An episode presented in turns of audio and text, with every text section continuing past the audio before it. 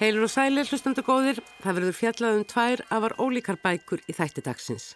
Í fyrirluta þáttar er verðandin og gróandin á dagskrá því nú er nýjútkomin ágæta þykk bók sem ber þann einfalda titil Það er alltaf eitthvað, sögur. Hér er á ferðinni smásagn eftir tólf höfunda sem eiga það sameinlegt að hafa stunda mestaranám í Rittlist við Háskóla Íslands. Við heyrum brot úr nokkrum þessara sagna og tökum síðan á móti rittlistanemunum Jónu Kristjónu Holmgersdóttur og Solveigu Eir Stjúart sem og Örnu Guðriði Skagfjörð Siguradóttur sem stundar nám í reittstjórn. Það er segja frá bókinni, það er alltaf eitthvað sem og frá mestaranámi Reitlist sem nú hefur verið líði í Rúman áratug og sér sannlega stað í íslenskri bókaútgáfu og bókmynda lífi. Í síðara hluta þáttarins er það svo sænsk-írönsk skáldsaga um byltingu og ást og um ofbeldi og frelsi. Á nýliðinni alþjóðleiri bókmyndaháttíði Reykjavík sem haldi maður í lok aprilmánaðar var von á sænsk-íranskari töfundunum Golnas Hashe Sadeh og í tilefni háttíðarinnar kom skáldsaga hennar Þakkarskuld út í íslenskri þýðingu Páls Valssonar. Því miður krækti Golna sér í vonda flensu og varða aflýsa þáttöku sinni í háttíðinni. Skáldsöguna höfum við hins vegar sem og tækifæri til að eiga samtal við Golnas í Stokkólmi þanga sem hún fluttist árið 1983 þá barn ung á samt fórildrum sínum. Meira um það eftir 25 mínútur eða svo því fyrst bregðum við okkur í mengi við óðinskötu þar sem fagnaðir útgáfu nýs Sagnasaps.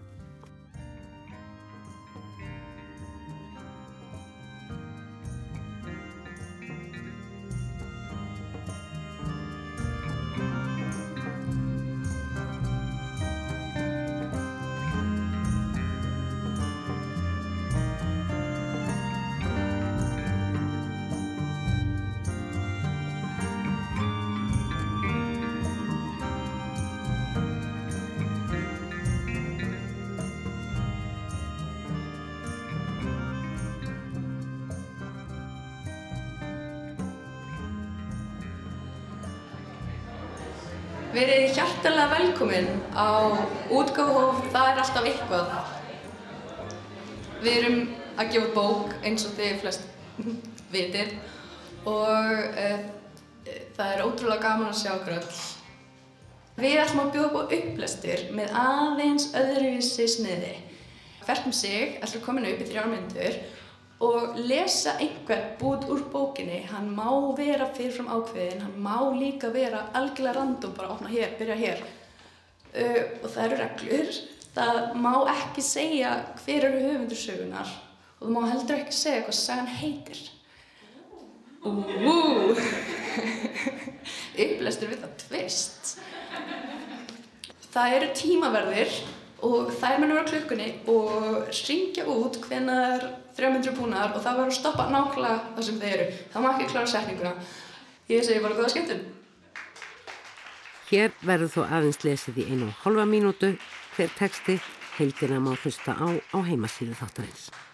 Hún reyfir sig hægt á milli áastana, fer sér að engu óðslega, grýpur jarðaber hér, nektarinnu þar, kirsuber, rifsber, kífi og abrikósur, kreistir og kremur, klessi saman á milli fingur sér, mörkar lífir úr þeim hverjum að fætur öðrum. Hún slagar, neðist til að styðja sig við hillur, til að missa ekki fótana. Þessi ógnar stjórn er ölvandi, marglitar, safa rákir streyma niður framhandlikin á henni, skýrtu ermarnar eru laungu orðnar gegn sósa.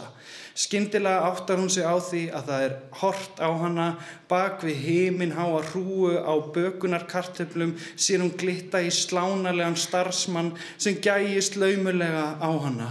Það er eins og það renni af henni. Hún lítur fljóðlega í kringum sig, hún hefur ekki nálagt því fengið útrás fyrir ný uppgötaðan eigðileggingamáttinn, hún tekur á rás, hleypur inn í kælideildina, opnar í flíti eggjabakka og grýpur tvö egg, kort í sinn lóa, kreppir nefana, fast, fastar, eitt ólýsanlegt augnablík, líður þar til skurnin lætur undan þrýstingnum og eggin springa, hvítan og rauðan spítast millir fingran á henni eins og fljótandi sólskinn Hún stínur en fær ekki tóm til að njóta andataksins til fulls. Slánin hefur veitt henni eftirför. Hann stendur í dýrónum að kælideildinni og varnar henni leiðar. Það er varlan nema úlingstrákur. Hann ætti ekki að reynast erfiðu viðfangs. Hún grítir í hann ekki, hann rekkur við og hún notar tækifarið og skýst fram hjá honum. Hún þýtur á milli gangana, slánin er á hælunum á henni. Hún... KS hafði ekki getað haldið rópunum inni síðan hún hlúði sendiherran. Hún rópaði hátt, let höfuðið falla niður á bringu og dró illjarnar eftir hrjúfri gánstjettinni. Skyndilega tók hún eftir því að henni var veitt eftirfur. Gulur leigubíl kerði hægt fyrir aftan hana og stoppaði þegar hún snýri sér við. Svört gljáandi augu leigubílstjórans glömpuði í myrkrinu. Hann fetjaði nokkru sinum upp á nefið áður en hann tegði litla hönd út um oping gluggan og veifaði KS. Hún gekka bílnum.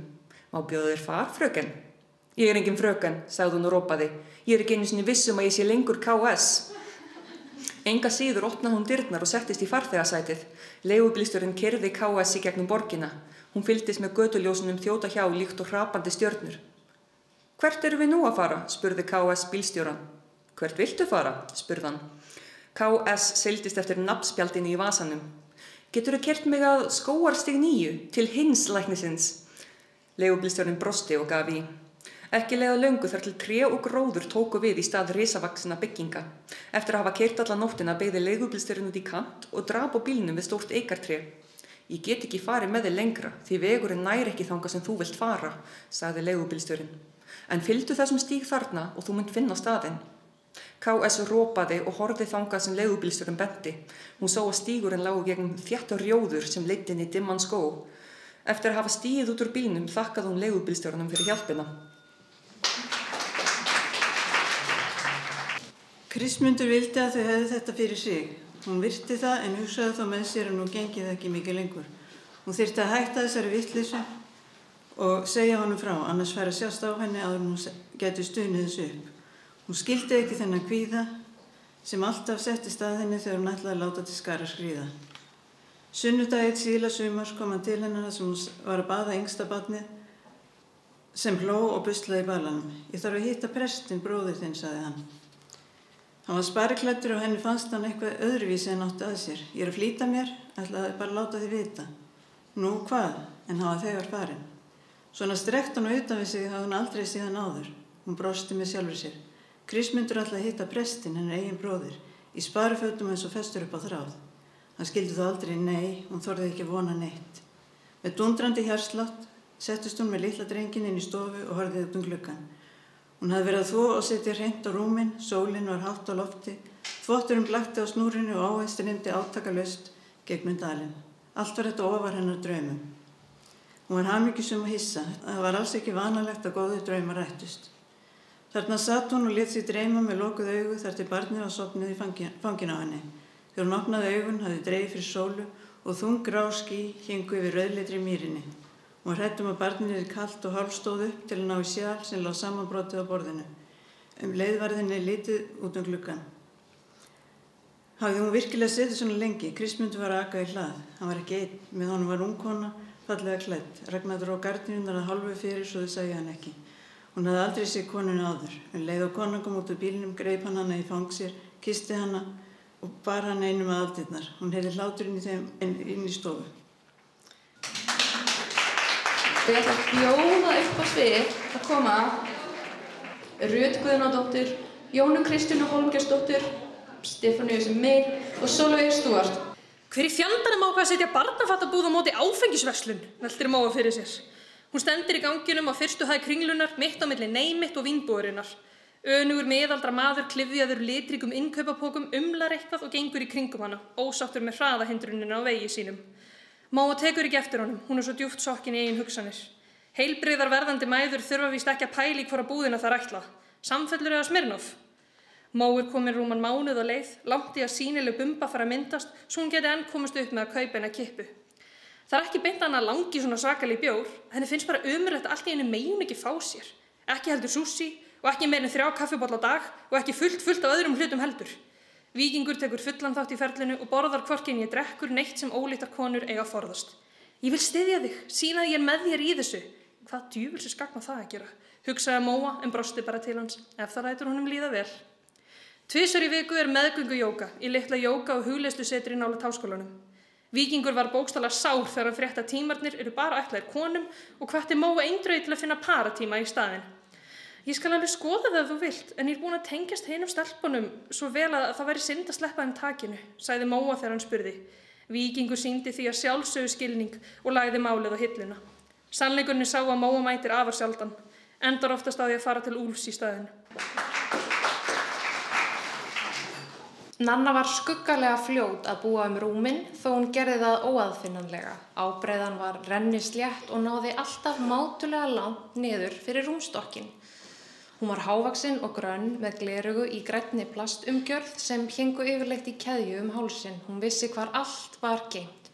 Sauð alla koppa samviskusamlega í þar til gerðri vél eftir nótkunn og rafaði handklæðum og rúmfötum hordrétt í hillunar í línherberginu. Lilja stressaðist öllu upp þegar hún vissi af nönnu á vaktinni. Rúmteppin þvældust í höndunum á henni og runnu til því hún flýtti sér um of. Eitt morgunin stóð hún með bakka fullan af leirtögi og beigði eftir liftunni þegar Nanna nálgæðist hana alvarleg á sveip. Ég held að nýjumæðurinn sem með eitthvað vírus. Þetta er engi mennileg útbrót á honum. Heldur það, sagði Lilja með hlautekningu. Ég held jafnvel þetta geti verið ristill en ekki fyrir að segja neinum frá þessu því ég er ekki viss. Nanna herfti saman munnin. Lilja vissi ekki hvað ristill var og þorði ekki að spyrja. Hún var upp með sér að Nanna skildi treysta henni fyrir þessu og lofaði að þeia en setjum daginn þegar hún satt á kaffistofunni að spjalla við unga læknanemann dætti það eins og ósjálfur átt upp úr henni. Síðar sama dag hitt hún nönnu í þóttásinu.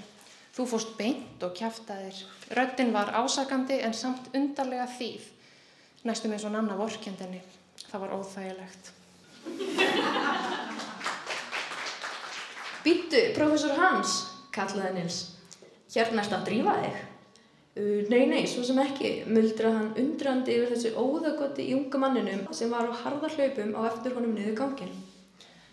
Hann snýr sér við akkurát á því augnabliki sem Nils klesti á stól og flög yfir hann. Nils fjall í gólu með látum og hjælt veinandi um fótinn. Hans hraðaði sér til hans til að aðtóða með drengin. Er það mjög ílt? spurði hann undan við sig.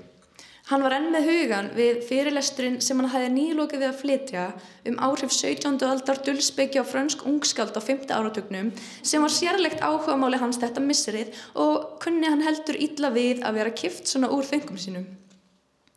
Hans kannast eitthvað aðeins við piltin og þótti líklegt að hann væri nefandi sinn. Var samt ekki alveg viss en hann var allega niðursökkin í kennslefnið að hann var lítið að pæla í að leggja hitt á þetta andliti á minnið. Æ, afsakaðu, hugurinn reykaði, er það ríkt? Þetta er skelvilega vond, bar maður pilturinn sér, augljóslega sár þjáður. Æ, að ringja eftir sjúkrabíl, spurði hans óvissum næsta raugrætt að skref. Nei, æ, ég hef ábyggla bara snúið mig. Ég liði þetta af, stundi Nils millir samanbyttina tannana. Ertu viss? Þú ert náfölur. Pilturinn hafði dularfullt yfirbragð, kvast en hlílegt, andlistrættinir myndu og hjört. Hans fannst hann svolítið kvenlegur, útlita hans vakt upp eitthvað kunnulegt, eitthvað glengt og þegar hann gómaði sjálfan sig í þessum vangaveltum var hann snöggur að leiða hugan annað. Við herrum hér brotabrót frá afar skemmtilegu útgáfu hófið þar sem bókinni Það er alltaf eitthvað sögur var fagnað. Í bókin eru 31 saga eftir 12 höfunda þannig að óhjákvæmilega verður þetta sapn svo litið sundurleitt. Sundurleitt er þó kannski ekki rétta orðið því þrátt fyrir að sögurna séu afar ólíkar þá stökka þær svo kvikar og hressar beint út úr samtímanum að í heild mynda þær einhvers konar speklasal ungs fólks hér og nú. Hér má lesa raunsæjar sögur jæmt sem surrealískar, sumarjafvel kafkaískar. Hér má finna þroskasögur, sögur sem hafa líkamann, engum líkama konunar í brennipunkti. Hér eru sögur um ofbeldu og kúun en líka um ást, ást á Rimbó og á henni Nancy sem kannski er ekki ástærunar virði eða var hún það jafnvel þráttur er allt. Langt flestar eru sögurnar samtímasögur eða tímalösar, flestar gerast á Íslandi, í Reykjavík, í fáinum best leikur út á land eða leið leikur þaðan til höfuborgarinnar. Tvær ef ekki þrjár gerast í Berlín og eini í Afganistan og Pakistan Og sömur eiga eina sögu í bókin aðrir fleiri. Sömur eru langar og búir floknum söguþræði, aðrar eru stittri, sömur jafnvel eins og brandari. Hér eru þær komnar Arna Guðríður Skakfjörð Sigurðardóttir sem er eina af fimm reittstjórum bókarinnar og höfundarnir Jóna Kristjana Holmgeistóttir og Solveig Eir Stjúart. Ég vil nú byrja því að ósköku til hamingi með þessa falli og skemmtilegu bóka, minnst að kosti skemmti ég mér vel við lesturinn. Takk. Mér langar til þess að byrja á því að beina orðum til reittstjórans um valsagnana svona og uppröðum. Hvernig er það ferðli yfir höfuð í þessu tilvíki? Gerir á fyrir að það hafi kannski verið svolítið sérstakt. Já, við skoðum allar sögurnar saman, reittstjórnir 5. Við erum í, í áfanga í háskólanum sem heitir Áþrygg, þar sem að reittstjóranemar, reittstýra reitlistanemar og afraksturinn er bók eins og þessi sem kom út. Og þessir reitlistanemar sem tóku þátt í þessu námskeiði, þeir, það voru þessi tólf höfundar Já. og fengu þeir einhver fyrirmæli? Við sko rættum það á námskeiðinu hvaða leiðir við vildum fara í sögunum og við vorum sammálum það að hafa bönd. Það væri svona svolítið þemað í bókinni. Aha, Eh, bönd, tengingar. tengingar, vinabönd, sambönd Ég skil. og svona Nú skil ég ímislegt. Það, það var svona byrjunin á þessu og síðan skiluðu reillistanemennir innsögunum sínum og við lásum og völdum sögurnar svona í svolítið í samræðu við, við þá, við mm. reillistanemana Mm. og skiptum svo mitt okkar reittstjórninni. Það lítur nú að hafa verið svolítið handleggur og heilabrót að raða þessu upp því eins og ég segi þetta eru mjög ólíkar sögur. Já, það var svolítið kunst en, en, en samt ekki. Þetta kom einhvern veginn bara þegar að sögurnar voru allar komnar þá vissum við eiginlega svona hvernig við vildum byrja hann allavega bókina og endana við eiginlega byrjum á því. Svo var þetta svolítið tilvinnarkent þessa milli. Ekki hafa sko höfunda í röð, heldur passa upp á og svo passa upp á að hafa langar og stuttarsögur svolítið til skiptis. Það var svona eiginlega aðalega það sem við stuttumst við. Já, það eru vissulega tengingar, bönd, Já, bæði á millisagnana og sem umfjöllunarefni en eins og ég segi, enn og aftur, þær eru mjög ólíkar. já, vissulega. Þið, Jóna Kristjána, þú átt uh, þrjár sögur og Solveigir, þú átt tvær. Þínar sögur, Jóna, eru frekar stuttar og það eru sankarlega sambandssögur. Að minnst að kosti tvær þeirra og þar gegnir tónlist og tónlistar smekkur mikilvægu hlutverki og reyndar líka í þriðju uh, sögunni. Tónlist er svolítið uh, tjáningin í þínum þessum sögum. Segðu mér svolítið frá þessum þreymur sögum. Greinar á gamlu tré, Úlfur Úlfur og þín einsta þrá. Já, Þú last einmitt brotur henni í mengi ekki satt. Já, það er alveg rétt að, að hérna, tónlistin skiptir miklu máli í öllum sögunum þó þar séu ólíkar. Þetta er allt sögur sem að ég hafði unnið að áður í náminu í öðrum áfengum og það er nú kannski það sem ég fannst skemmtilegt við þetta ferli að fá tækifæri til að vinna áfram lengra með efni sem ég hafði átt svolítið kannski í handræðanum. Þannig að það er ekki eins og þetta hafi bara sprottið fram sko á staðnum fyrir Já. bókina. En þetta, þessar tvær sögur sem ég myndist á sem að svo augljóslega fjalla um sambönd og vináttu, það er strákur og stelpa, Já, það er- ung, tvær ungar manneskjur. Það er hérna Úlfur Úlfur, það, það langaði mig bara að lýsa svona stemmingu í eftirpartíi að sumarlægi, bara mm. ná utan um eitthvað ákveðið andrumsloft.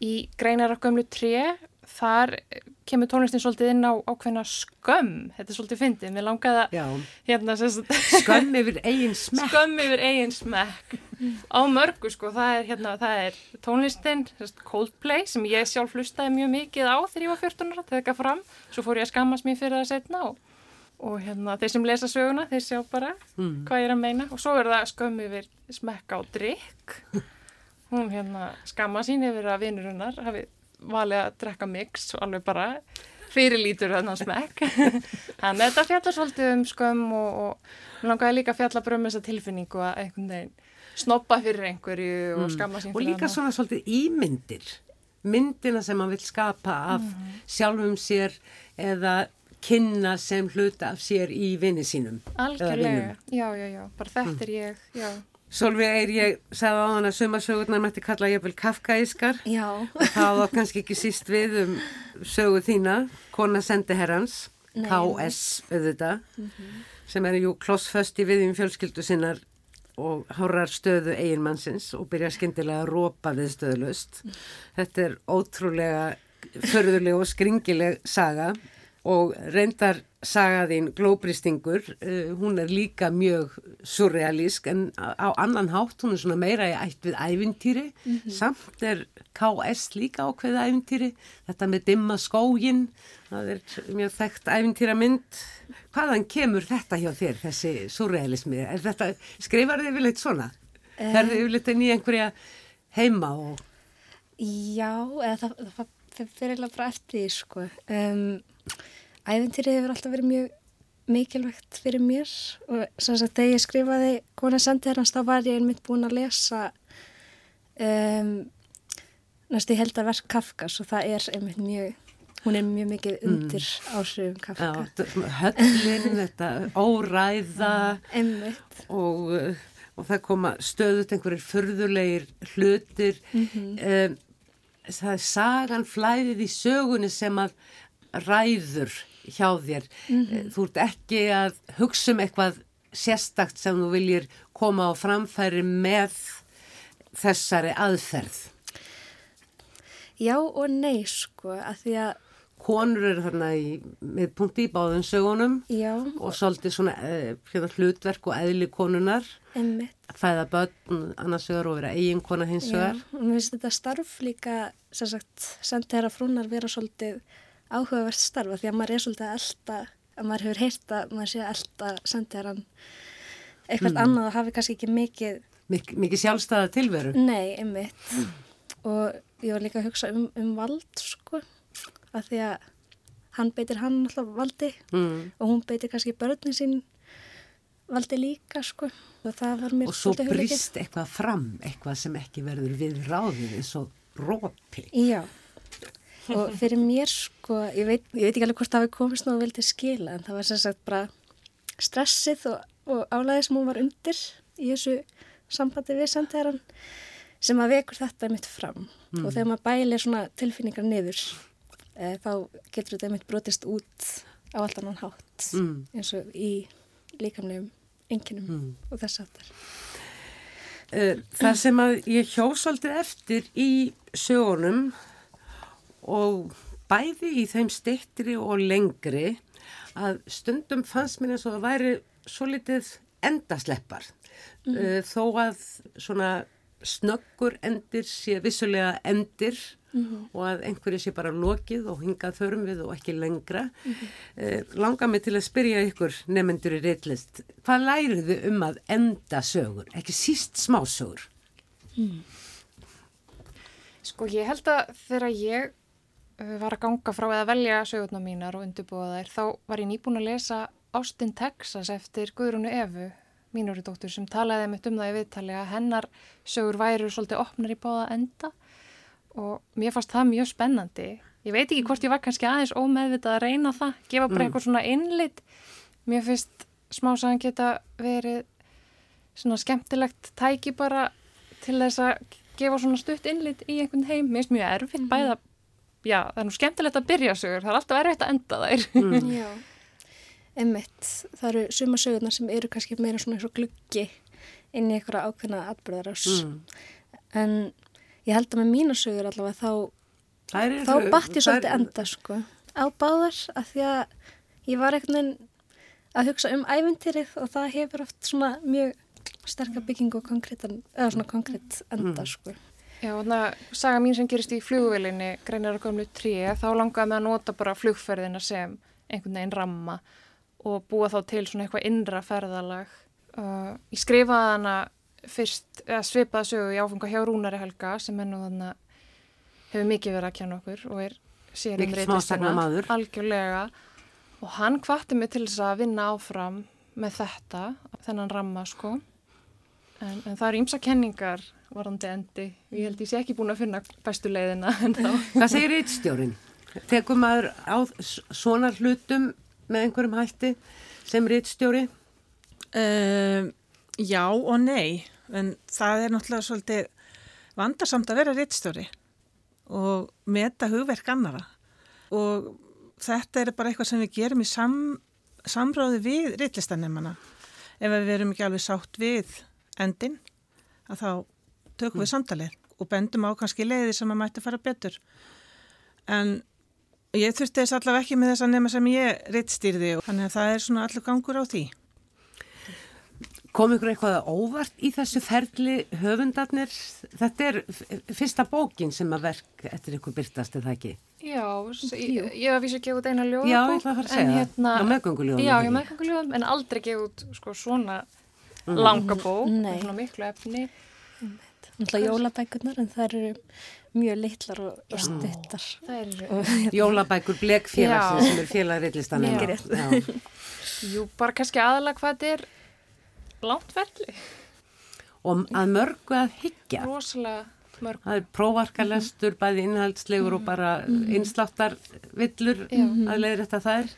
Brendvillupúkin er nú alltaf samur við sig, þrautsegur. Einmitt. Þannig það. Við hérna Hún er svo heppina að Sigþrúður Silju Gunnarsdóttur sem er rittstjóri á forlæginu, hún sérst kendi áfangan þannig að hún hafa alveg svona yfir um sjón líka með okkur og við skiptum próvorkinu á millokkar nokkur sinnum og mm -hmm. lásum hann yfir, þetta er mikill höfuverkur sko, mm -hmm. getur verið það. Já, og oft varst alltaf eitthvað nýtt líka, nývilla sem enginn hafi, öllum hafi yfir sérst. Þekktu þið alla sögurnar þegar bókin kom út eða voru þið að lesa bara alveg nýja bók? Það var misjamt, ég var að lesa sumt í fyrsta skipti, mm. annað hafði ég séð. Var, við Solveig vorum til dæmis saman í, í Kafka áfanga fyrra vetur, þá var ég búin að lesa hennar sögu Já. og Kristófers sögu líka. Einmitt. En það var eitthvað efnið annað sem var alveg nýtt, Já. mjög skemmtilegt. Það sem vakti aðtegli mína var að svona aðal temað núna, uh, loftslagsváun kemur ekkert fyrir. Hins vegar er, eins og ég segi, líkaminn er mjög áberandi í mm. öllum þessum samböndum og það er náttúrulega líka samband eh, mannesku við sjálfa sig mm -hmm. og sársauki. Margar sögur um sársauka. Já, ég er að velta fyrir mig hvort að kannski hefur þetta þemabönd haft einhver óbyrn áhrif á okkur, við erum svolítið að fjallum mannleg samskipti. Mm. og það er ábyrrandi í, í manneskunni mm. frekar heldur en í líka kannski fjötra það sem heldur okkur eitthvað staðar. Mm. eða þannig Samskipti, foreldra samskipti líka mjög -hmm. ábyrrandi -hmm. og svona, en eins og ég segi að mér fannst þetta að vera mikill speklasalur að ganga um uh, anspanni samtíman kom mér skemmtilega óvart og svo er þetta falla bók líka. Hún er virkilega vel hönnuð. Og nýja útgáfi félagið Una sem að gefur út exakt. Við skilst að þú eh, komur á myndlistinni Solveig Jú, það er mm. alveg rétt, ég var í, í lestaáskólanum og sem sagt bachelorinu þar. Já. svo mér langar svolítið að hérna þræða veginn þræða veginn á milli sem sagt þess að takja heima. Og mér erst já, sambandið á millir yllistar og millistar mjög spennandi. Mm. og langar, langar svolítið að halda áfram að kanna, kanna Svo er þetta hérna, þessi greipur beinlinis bókin Já, bókin. sjálf, efnilega. Já, já. bókverkið. Mjög spennandi. Við heldum áfram að skrifa, ég held að það sé alveg. Já. Það er rétt að vona. Einmitt. Jóna Kristjana Solveig Eyr og Arna Guðriður til hamingu með það er alltaf eitthvað. Takk alveg fyrir. Takk. Og gangi ykkur vel. Takk fyrir. Takk.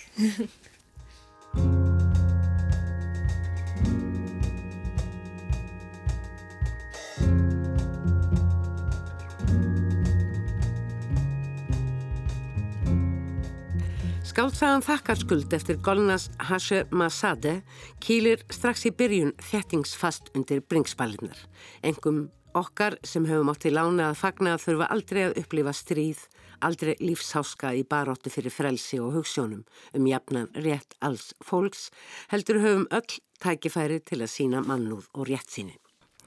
Ég held að dauðin hafa alltaf fyllt mér. Eftir vill banalt að segja, þetta finnst kannski öllum sem er að fara að deyja.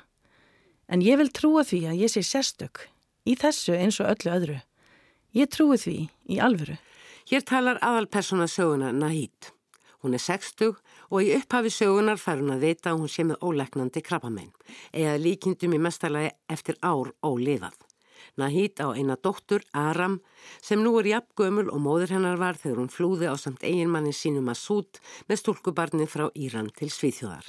Masúd er látin fyrir skömmu og aska hans hefur verið jæðsett í sænskri mold sem er full af rótum, öfugt við sendna jörð ætlands þessara litlu fjölskyldu sem reyndar hafði sundrast fyrir andlát Masúds. Bókin fjallar um rætur en líka um frelsi, um ofbeldi og ást.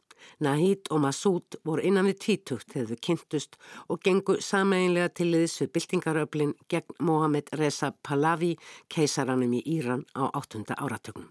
Byltingin kom yfir okkur eins og stjörnurrapp. Ég veit ekki alveg hvena við áttuðum okkur á því að við vorum að gera byltingu. Að við værum byltingamenn.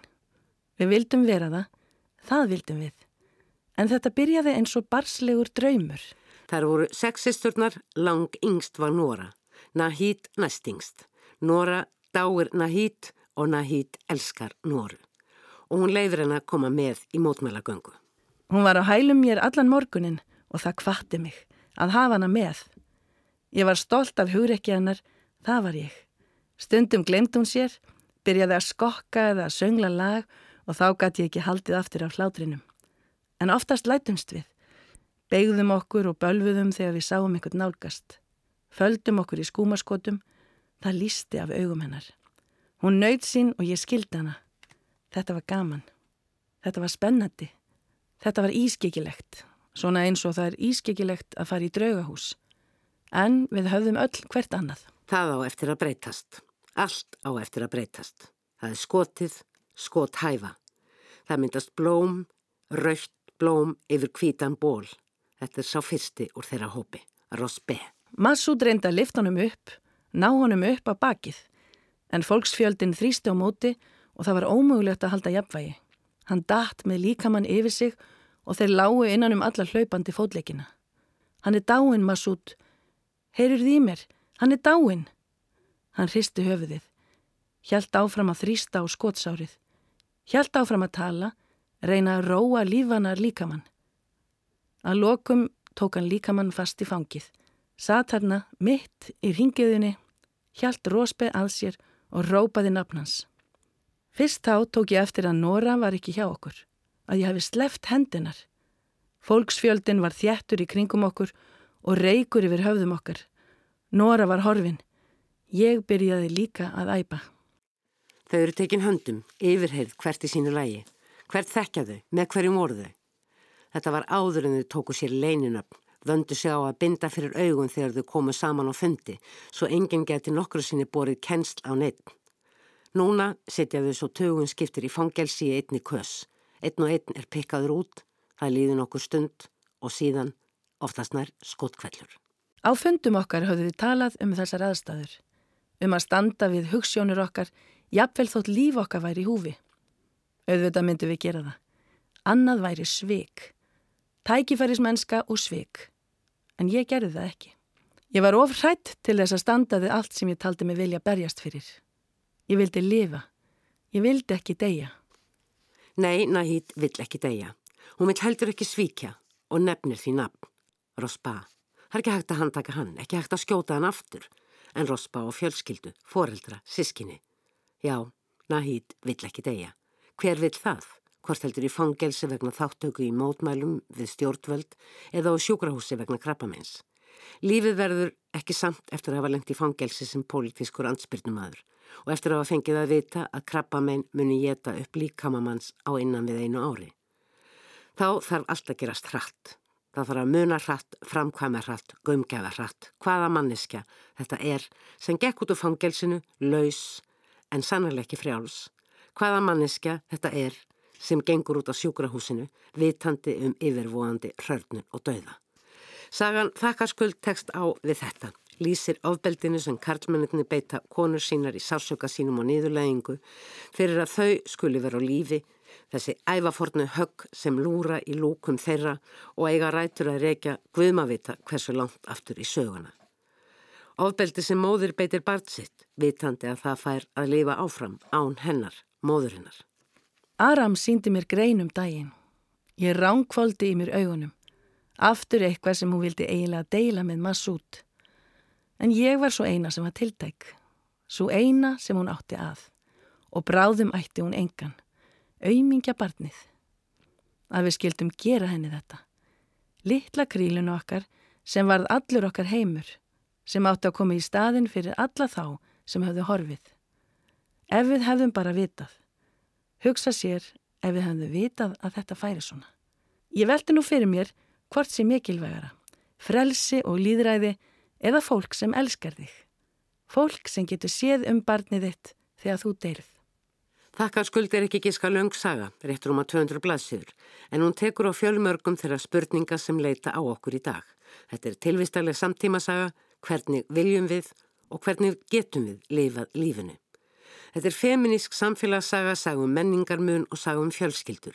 Jóhann kærasti Aram á heila fjölskyldu, að því er virðist, ekki svo mikið sagt frá þeim í þessari bók, og fjölskylda Jóhanns á heila eigu og heldur upp á Jónsmessuna með sama hætti ár eftir ár. Fjölskylda Aram er hins vega brotin, margbrotin, fátt að reyða sig á og brátt verður hún ein eftir af sinni fjölskyldu. Ég skil ekki af hverju allt hverfur, mamma.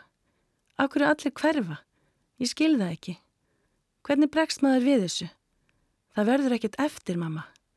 Mér finnst eins og ég hangi í lausu lofti. Ég skil ekki af hverju allt verður alltaf að hverfa.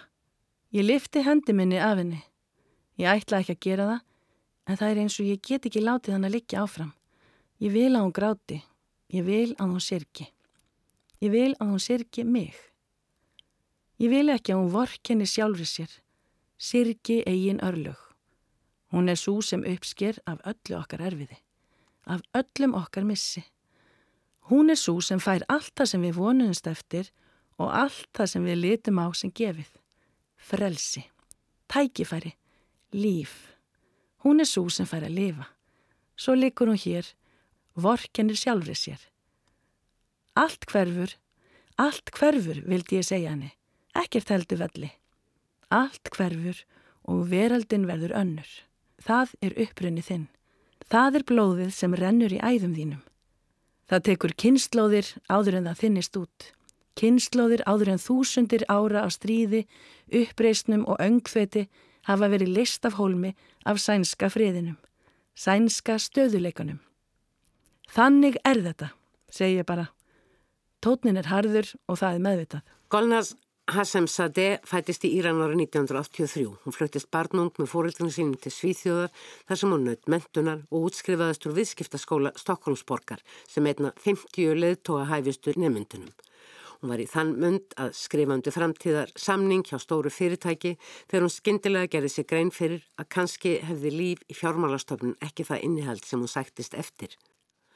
Hanna hafði unga dreymt skáldadrauma en fadur hennar, flotta maðurinn, réðinni að verða sér út um almennilega mentun sem hún á gerði en stíð svo út af örugum með torðastignum og úrvarð skáldsagan hún er inte jag, hún er ekki ég sem kom út árið 2012.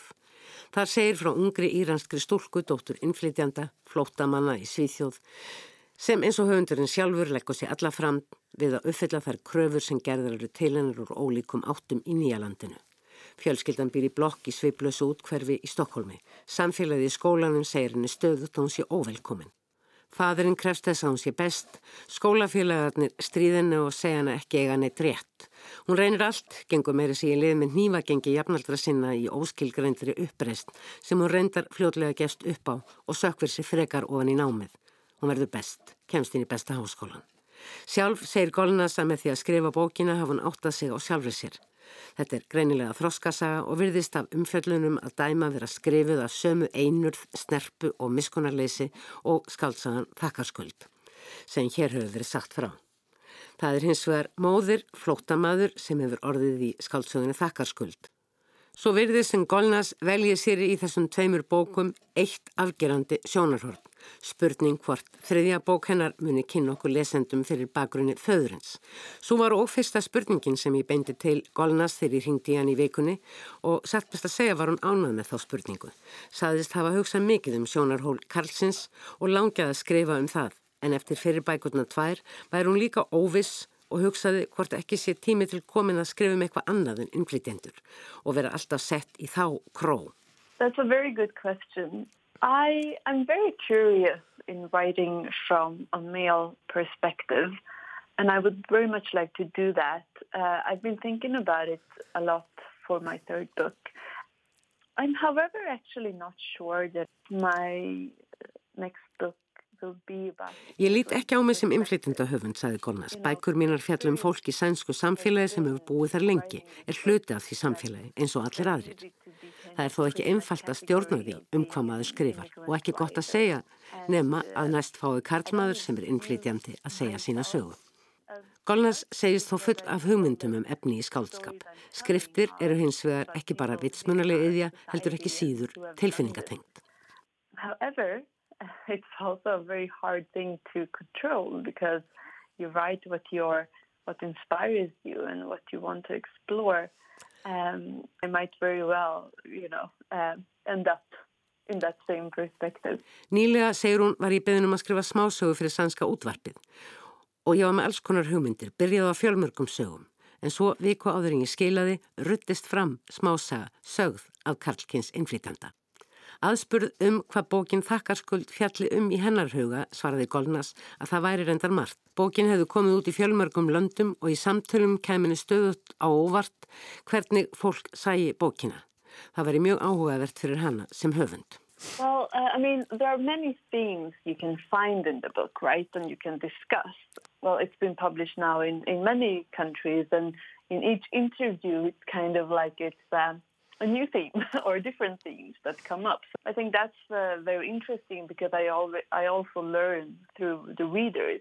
But um, to me, it's really a book about social heritage, um, about what we inherit Í þessari bók þakka skuld segist hún fyrst og fremst vera að fjalla um félagslega arfleð, það sem við erfum frá fyrri kynnslóðum og flytjum síðar til barna okkar, dætur okkar. Golnas egnaði sitt fyrsta barn, dóttur í byrjun ást 2014. Þakkarskuld kom út árið 2016. Síðar það sama ár dó amma hennar, nokkur síðar móðir hennar líka. Á sama árinu hafði hún því haldið framtíðin í örmum sér og mist hluta af fortíðinni. Það leiti til hugliðinga um það sem glatist með gengum kynnslóðum og hvað hún sjálf beri í sér að arfi þessara kynnslóðum. Þessi arleð getur verið góð og ill segir hún, og í hennar huga hafi verið mikilvægt að draga ekki hér illa undan, heldur einmitt vekja meðvutund um það og þannig mögulega leiða það síður áfram til næstu kynnslóðar. Golnas viðurkennir vissulega slíku sé erfitt að stjórna en það sé mikilvægt að vera sér meðvutaður um það og reyna að draga fram hið góða í miðlurinni til eftirkomendana. Hún segir sitt stóra verkefni í bókinu Þakkarskuld að afhjópa samhengi þess hvernig sásauki einnar kynnslóðar flytist yfir til þeirra næstu but also, you know, what, what do I carry with me from them?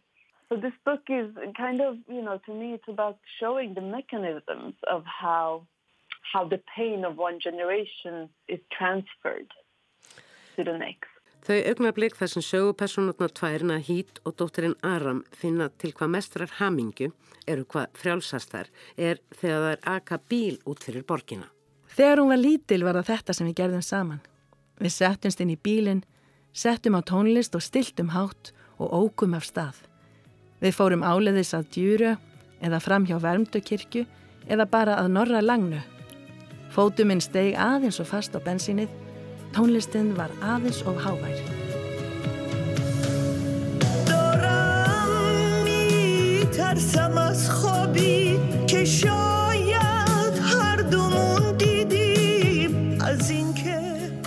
Við vorum í skjóli þar sem við sátum í bílnum. Við vorum í skjóli af stálinu, verndaðar af hraðanum. Hún og ég, verndaðar án þess að við þyrtum að vernda hver aðra. Og tónlistin, hún var þráður okkar út. Það sem batt okkur saman við uppröna okkar. Hún fann trúlega líka fyrir þessu að það væri tónlistin sem gengdi rætur hannar.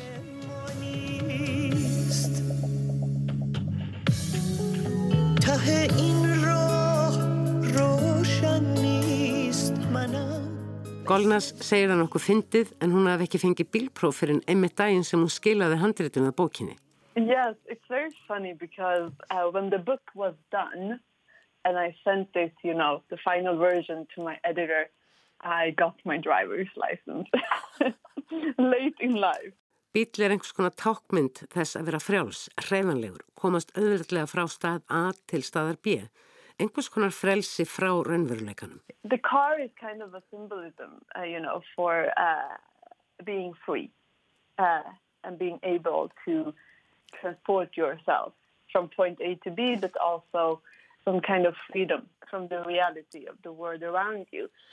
When I grew up, both my parents loved to do this. Fóreldra mínu gerði þetta með okkur sískinunum, fór í aukuferð, segir Golnas, en ég veit ekki hvort þau revjuðu upp sínar minningar um æsku og ólingsár í þeim ferðum. Bíltúrar losuðum spennu, segir Golnas, en fremur, sérstaklega fyrir móðu mínu held ég. Svo er það frelsið að halda í stýrið og ráða sjálf. Golnas er ánað að þessi sena í bókinu veki aðtegli og hún beinlinis elski lag Tracy Chapman, hraðskriðið bíl, Fast Car. But I, I'm, I love that you picked up it, picked it up as a, a beautiful thing in the book because mm. to me it's still one of my favorite songs. It's still Tracy Chapman's Fast Car. Þótt Golnas Hashesate sér 100 aðalstarfi þann nýtur hún líka það sem hún læriði í sínu viðskiptanámi í tengslum við störf sín hjá samtökunum Inkludera Non-Profit sem vinnaði því að koma á koppin verkefnum sem lútaði lausnum félagsleira augrana. Í tengslum við það starf er Golnas Hashem Sadeh talsvert á ferðinni. Hún heldur fyrirlestar sem ekki síst fjalla um að gera sig grein fyrir mikilvægi frelsis og hversu viðkvæmt það í raun og veru er. I mean, freedom to me has always, since I was a very small child, freedom has been the highest ideal. I was born in Iran during the war and during the aftermath of the Iranian Revolution and my parents didn't live very freely in Iran during these years and we left when I was three years old. Um, what I what I learned from as early as I can remember is how immensely grateful I should be for this freedom. Frá blötu bassbeini hefur mér verið kent hversu ótrúlega mikilvægt það er að vera frjáls. Ég fættist í Írani með í stríði og foreldra mínu nötu þar ekki frelsis og flúði til svíþjóðar. Mér var kent að vera þakklátt fyrir frelsi sem ég nöyt þar og er ekki sjálfgeðu hvað sem er í heiminum. Og þótt ég mun ekki eftir ófrelsinu í Íran þá gerði foreldra mínir það og afleitu mig að þessum minningum. Það er mér mikið umhugsunarefni hvernig ég kenni mínum börnum að umgangast frelsi og vera sér meðvituð um þegar það er skert vera reyðubúin til að berjast fyrir því jafnvel, kannski eitthvað göttum úti og starf okkar í Inkludera Non-Profit lítur af þessu að verja frelsið og öryggið sem er ekki ófrávíkjanlegt og stöðut. Þetta er algjört hjertansmál í mínum huga, segir Golnas Hashem Sadeh. You know, the heritage I have with me that you have to fight for it uh, and maybe you don't have to fight in the streets uh, but uh, the work I do with Inkludera in my non-profit is definitely a way of fighting to preserve freedom and uh, stability in, in Sweden. I just think that we need to become aware of what we have is not constant. It's a blessing of our time, but no one knows what might happen to it. Ég spurði Golans hvort krabbamennið hefði verið hluti að upphafleiri hugmynd bókarinnar að stilla upp yfirvóðandi dauða í byltingarbaráttu annarsvegar og yfirvóðandi dauða á sjúkrastofnun hinsvegar. Hún hvað svo vera? Yes, it is. And I guess to me the cancer uh, is also a symbolism uh, and an effect of the revolution, you know? So in my mind I was talking about, you know, the issue of how does the trauma we experienced long ago, how does it affect us today? Uh, Í mínum augum, segir Golnas, er krabbamenn að hýtt ták fyrir byltinguna sem tapaðist. Áfallið sem setur í líkamannum og hverfur ekki. Fóreldrar mínir dó ungir, rétt um 50. Það gerðu margir af félögum þeirra líka sem hafðu flúið. Það þarf mikinn kraft til að frelsa sjálfansi undan slíkri reynslu, þannig að hún verði ekki að sjúkdómi, ægsli í líkamannum. Frelsi fast ekki aðeins við það að bú í frjálsu landi og njóta mannréttinda. Það verður að horfast í augu við eigin reynslu og fortíð án þess er ekkert raunverulegt frelsi.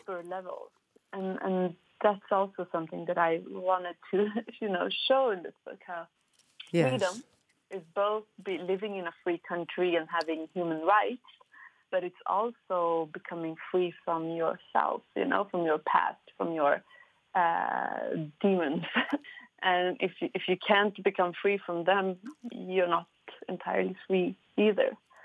Að lókum spurði ég Golnas Hashim Sadeh hvort hann hefði notið þess að skrifa þessa bók eða hvort það hefði jafnvel verið mjög sásökaföllt því bókin er sannarlega nokkuð hörkuleg. Spurningin kom greinilega flatt upp á hana. Oh, this was a very interesting book to write because it was almost like a release, you know. Uh, I, I wrote it almost in, uh, not in one sitting, but you know, almost from the first day to the last Þetta var áhugaverð bók að skrifa, svarar hann, eiginlega léttir. Ég skrifaði hann auðvitað ekki einni lótu en ég skrifaði hann frá upphafi til enda á þess að stoppa til að reittstýra mikið á meðan. Ég greit mest allan tíman. Þetta var samt ekki sásökafullt ferli. Ástæðin er líklega svo að ég er að skrifa um stóra hluti í lífinu. Ást og missi, mæður og dætur. You know, mothers and our daughters. Um, so it's very, a book that's very close to the heart. Um, So I enjoyed it, but in a very emotional way.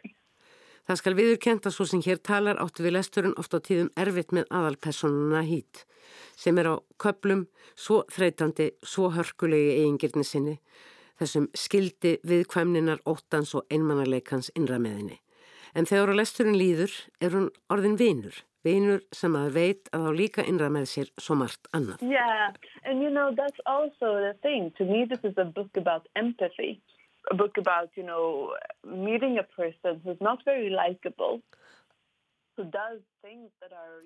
Golnars tekur undir þessa lýsingu og segist emitt hafa viljað fjalla um samhigð, um hluttekningu, um það að hitta aðra mannesku sem er auðvelt að gaggrina, sem hefur gert ímislegt, sem er hlutlegt, ránt, en við nánar í kynni vakni spurningar hvort viðkomandi hefði geta bröðust öðruvísi við, þegar hugsaðir til þess sem hann hefur mótt reyna. Það er mikilvægt að skilja samhengið og fyrir mér er það megin hlutverk bókmentana að öðlast insinn kynast hlutum og fólki sem við annars hefðum ekki kynst. on a deeper level because we get to share their story and we wouldn't have otherwise. That's it. Golnaz Hashem Sadeh, I thank you very much for this talk. Yes, thank you so much for this conversation.